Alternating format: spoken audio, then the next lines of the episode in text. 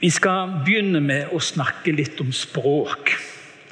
Og Jeg beklager alle som er her, er ikke bergensere. Er det noen bergensere her, forresten? Ja, det bra. Eh, dere har kanskje hørt det at eh, Øystein Gjerme, som leder Salt Bergen-kirken, han har sagt at Peter var den eneste disippelen fra Bergen. Og Bergensere bruker jo et eget språk og har sitt eh, eget ordforråd, men jeg skal ta hensyn til det i dag at alle er ikke bergensere. Språket har nemlig forandra seg noe helt enormt. Eh, når jeg var yngre, så var ett hjerte kanskje for sterkt å sende i en melding til noen andre. Den dagen så fikk jeg en sånn melding. Den ligger på mobilen min hvis du har lyst til å se. Det er liksom ikke nok med ett hjerte. Det må være fire hjerter. Og nå er det ikke nok med fire hjerter, nå skal det se sånn ut. Og det aller siste Jeg vet jo ikke om jeg er for gammel til å følge med, men nå fant jeg et sånt. Og det er Jeg kunne jo aldri ha sendt et sånt bilde til noen da jeg var ung. Det var jo ikke sømmelig. Men, men nå er det altså helt fantastisk hvordan språk forandrer seg. Eksempel, Hvis noen er glad i hverandre, så elsker de hverandre herfra til månen. Og Nå har jeg vært gift i 40 år dette året. Det fortjener en liten applaus. bare så dere er klar over det. Og jeg innrømmer det, jeg har aldri sagt til Bente ennå at jeg elsker hun herfra til månen. Men det sto på Facebook her en dag. En kompis elsker konen sin. Og da neste dag sto det om en som elsker herfra til solen. Så det vil liksom ikke ta slutt. Det at Språket blir mer og mer sånn. Hvis vi er bestevenner nå, så er vi bestevenner for evig og alltid. Og Noen av dere har gjerne gått på en kristen folkehøyskole eller bibelskole og sto og grein når skoledagen var over eller skoleåret var slutt, og lovte å være bestevenner for alltid. Og Når det har gått ett og to år, og du har ikke hørt et pip Det er liksom Ordene står ikke alltid, språket samsvarer ikke alltid med virkeligheten. Nå er dere på Jæren. Dere har fått med dere det. Ålgård er en del av Jæren. og På Jæren er de forsiktige med språkbruken. Eh, hvis de skal skryte av maten, så er de forsiktige. Og skal de skryte av konen, så er de enda mer forsiktige. Og Det var en mann her på Jæren det fortelles om, han var i begravelse til sin egen kone. Og Så ble det jo forventa at på minnemøtet skulle han si noe om denne konen som han hadde levd sammen med i et langt liv. Så reiste han seg og så sa han det. Hun var ganske gilde. Og en gang holdt jeg på å si det til henne. Altså, det, det, det, må liksom ikke bli for mye. Ord, språket, det er i, i dramatisk endring. Når vi elsker noe, så elsker vi så enormt. Men gjør vi egentlig det? Kanskje sitter du på UL og har kjent at ordene og virkeligheten var dramatisk forskjellige. Kanskje er du nettopp blitt forlatt av en som sa det skal være for alltid. Kanskje har du opplevd venner som lovte gull og grønne skoger, og så ble det ingen av delene. Språket har forandra seg. Og Det gjelder òg det åndelige språket. Det er lettere nå å si jeg er så glad i Jesus. Men er vi det? Virkelig? Eller? Teksten har du hørt. Vi er i Johannes evangeliet kapittel 21. Scenen er sånn tilsynelatende ganske dagligdags og nesten sånn koselig. Noen er ute og fisker, og inne på stranden står der en og tenner et bål og gjør klart et måltid. Det virker egentlig veldig koselig. Men denne scenen som du ser, skjuler noen lag som du må bla noen kapitler tilbake i Johannes evangeliet for å få med deg skikkelig.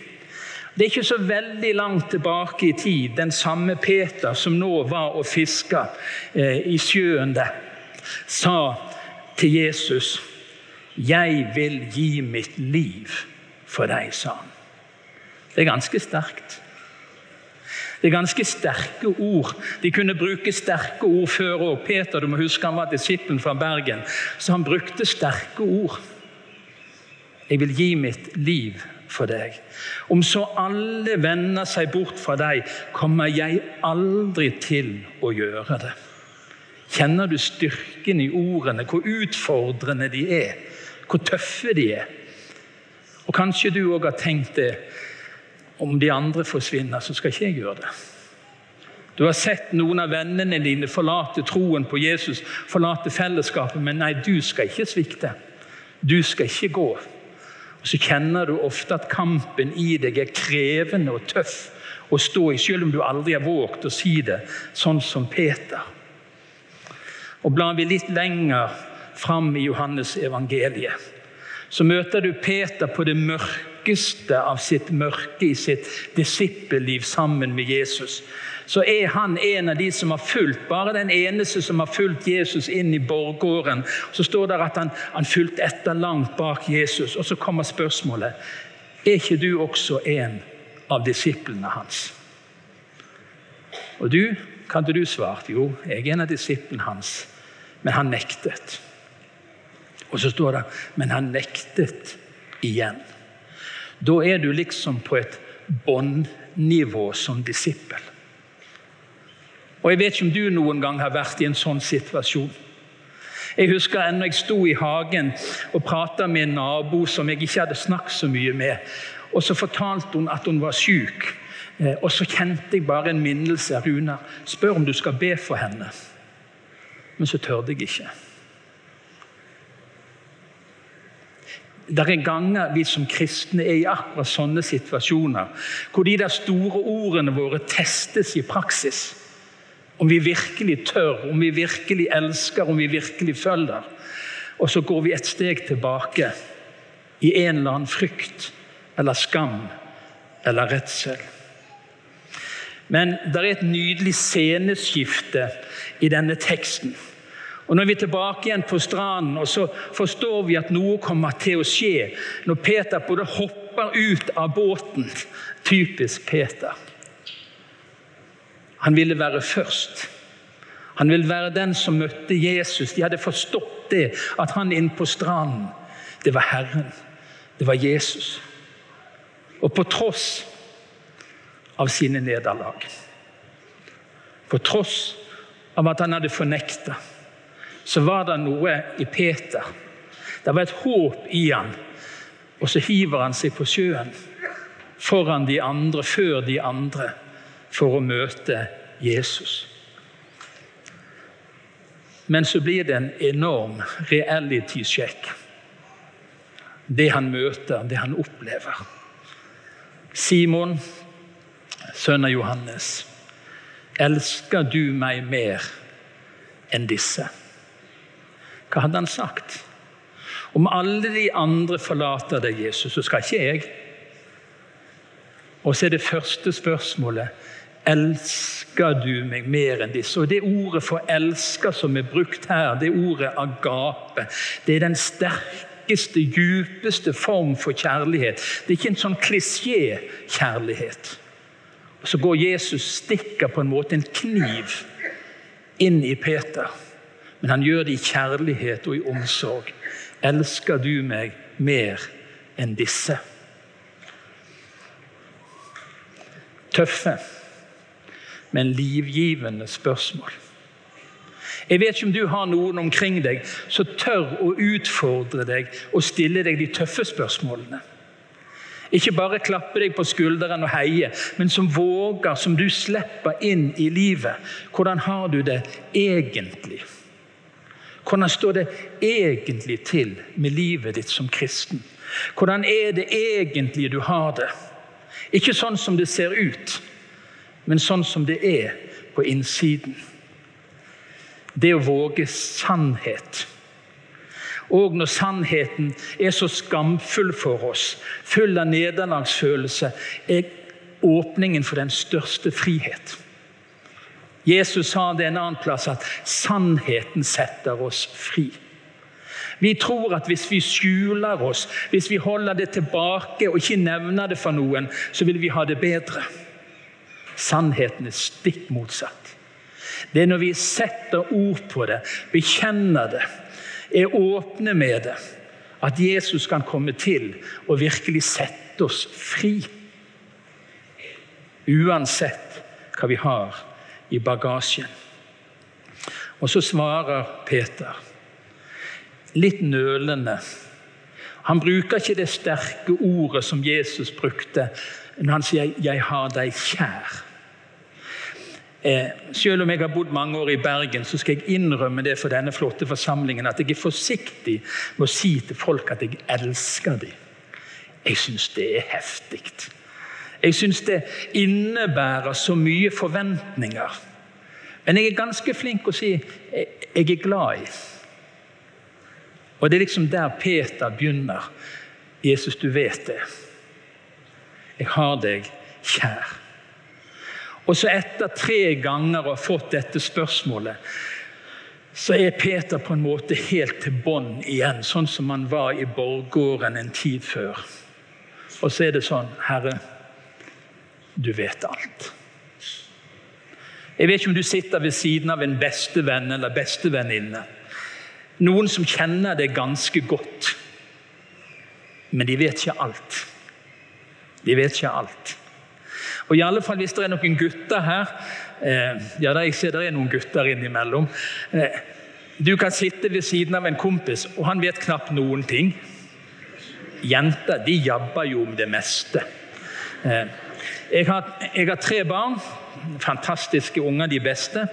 Eh, og når vi var sammen som familie og alle bodde hjemme Jeg har én datter og to eh, sønner.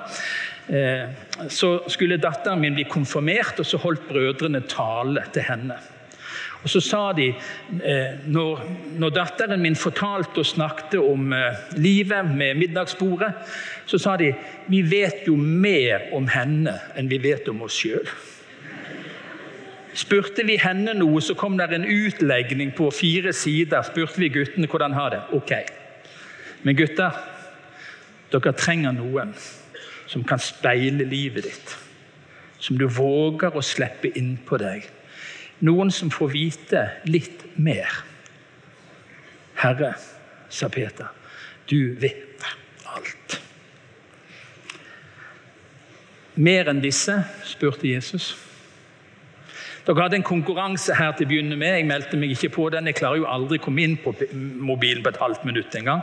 Og dere skulle svare på den og skrive en, altså, Det er umulig for oss over 60 å få det til. Det, det, stemmer liksom ikke. Jeg hadde ikke vunnet den konkurransen. Og jeg ville ikke ha stilt opp i den konkurransen. Hvem elsker Jesus mest? Og så er det det Peter får høre, blir spurt om. Elsker du meg mer enn disse? Og hvem er disse? Han hadde jo sagt noe at om de andre forlater deg, så skal jeg ikke gjøre det. Så på en måte kan teksten være en sånn Peter, er du den disippelen som elsker meg mest? Eller handler det om at Peter muligens var på vei tilbake igjen til fiskebåten?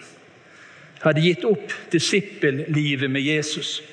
Og at det som han før var god på nå, skulle være det som betydde noe i hans liv elsker du meg mer enn fiskefangsten og mulighetene, pengene, karrieren? Elsker du Jesus mer enn alle mulighetene livet gir deg? Alle karriereveier som står åpen foran deg. Elsker du Jesus mer enn når det koster noe? Gjør jeg det?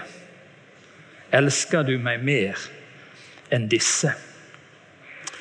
Før flesteparten av dere var født, så var det en liten slager. og Da er vi tilbake igjen til sånn 60-70-tallet. Altså det er før krigen, sånn cirka på den tiden. What the world needs now is love, sweet love. Nei, verden trenger ikke søt, klisjéaktig kjærlighet. Det verden trenger, det er kjærlighet med hud på. Konkret, nærværende, tydelig, sterk, ekte. Det er altfor mye søtladen kjærlighet. Det er altfor mange store ord og løfter som aldri blir omsatt i handling. Verden trenger kjærlighet med hud på. som er håndgripelig, som er ekte, som er troverdig, som er sann. Hva er bibelsk kjærlighet? Hva kjennetegner en disippels kjærlighet, en som vil følge Jesus? I Johannes 15 så sier Jesus det på denne måten. Som far har elsket meg, har jeg elsket dere. Bli i min kjærlighet. Hvis dere holder mine bud, blir dere i min kjærlighet. Merker du det blir litt vanskeligere da? Hvis ekte kjærlighet til Jesus og til mennesker handler om å holde fast på hans bud. Og hva er hans bud?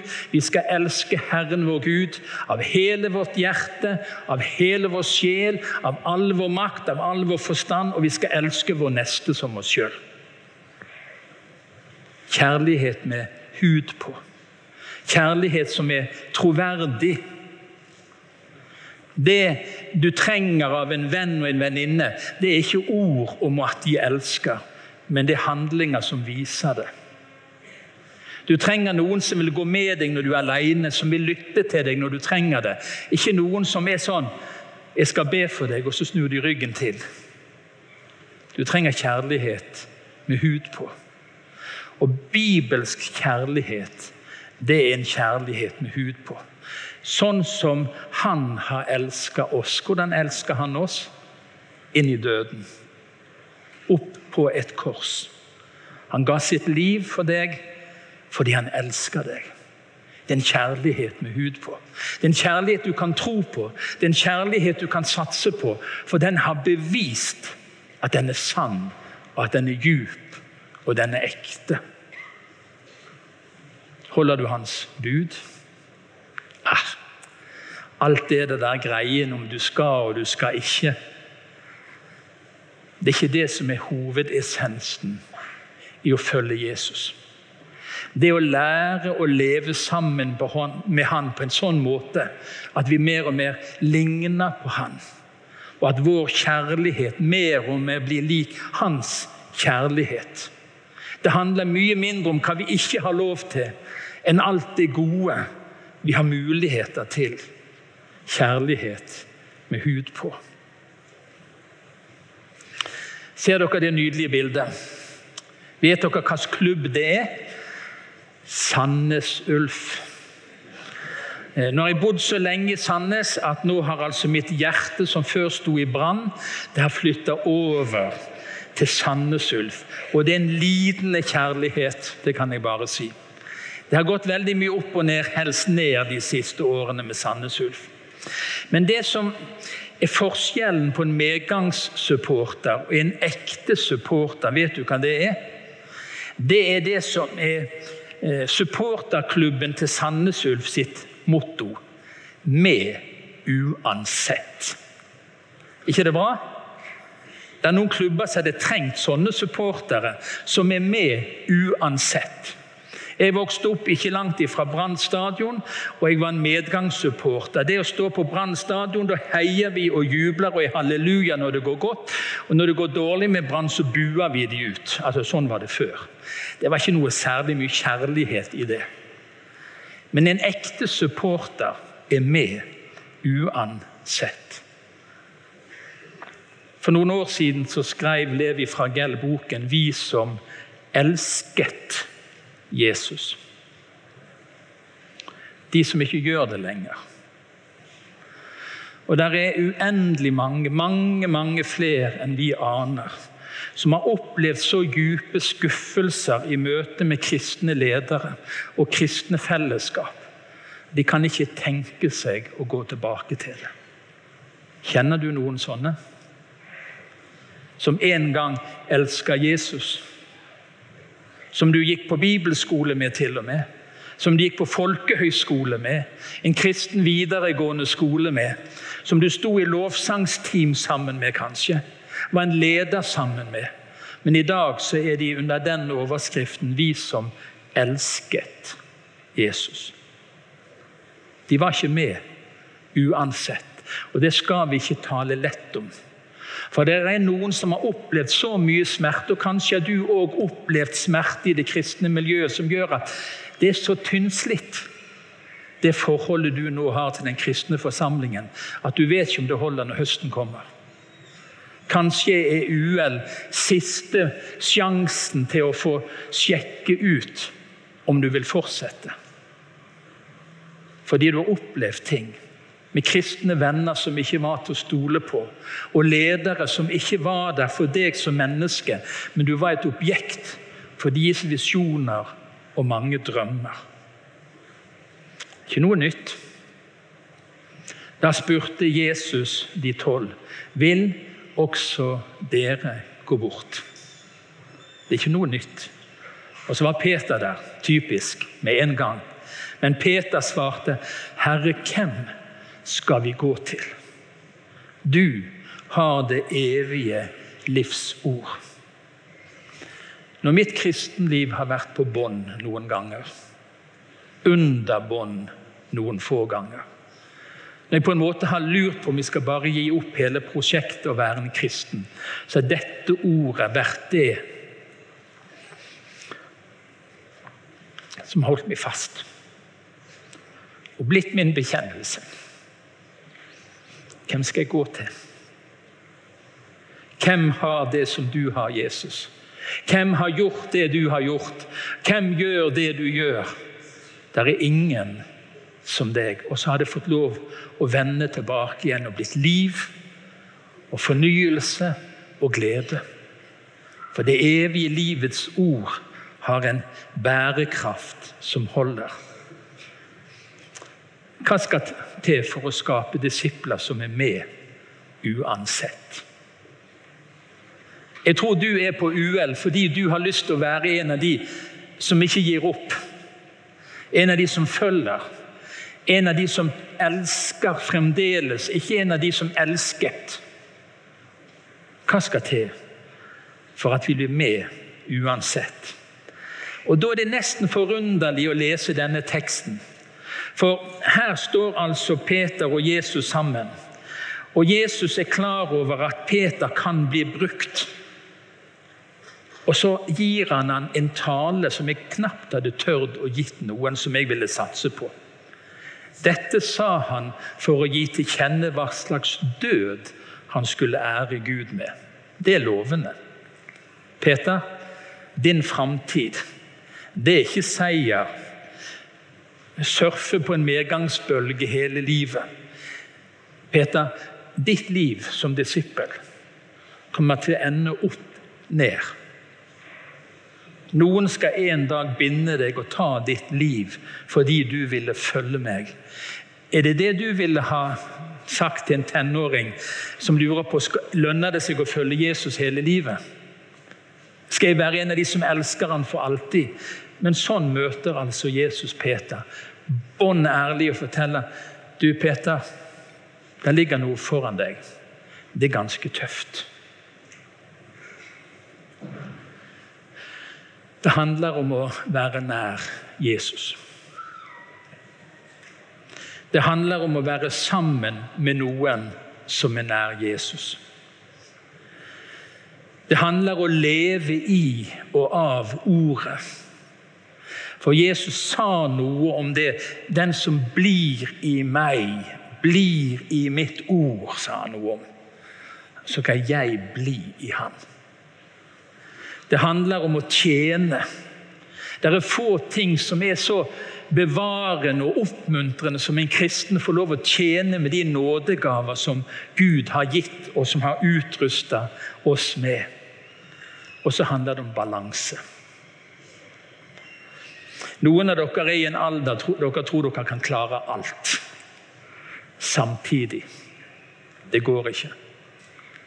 Er du student, så er du student. Er du kjæreste eller gift og nygift, så er du kjæreste og ny og nygift. Har du oppgaver og utfordringer, livet satt sammen av så mange forskjellige ting, og skal du leve lenge sunt, så skal du leve i balanse. Jeg hadde besøk hjemme i Bergen av en tante. Og hun, Tanten var hos oss i 31 dager. 30 av de dagene var jeg i menigheten. På et eller annet oppdrag. Jeg syns jeg skulle hatt glorie for innsatsen. Nå syns jeg jeg skulle hatt langskjems.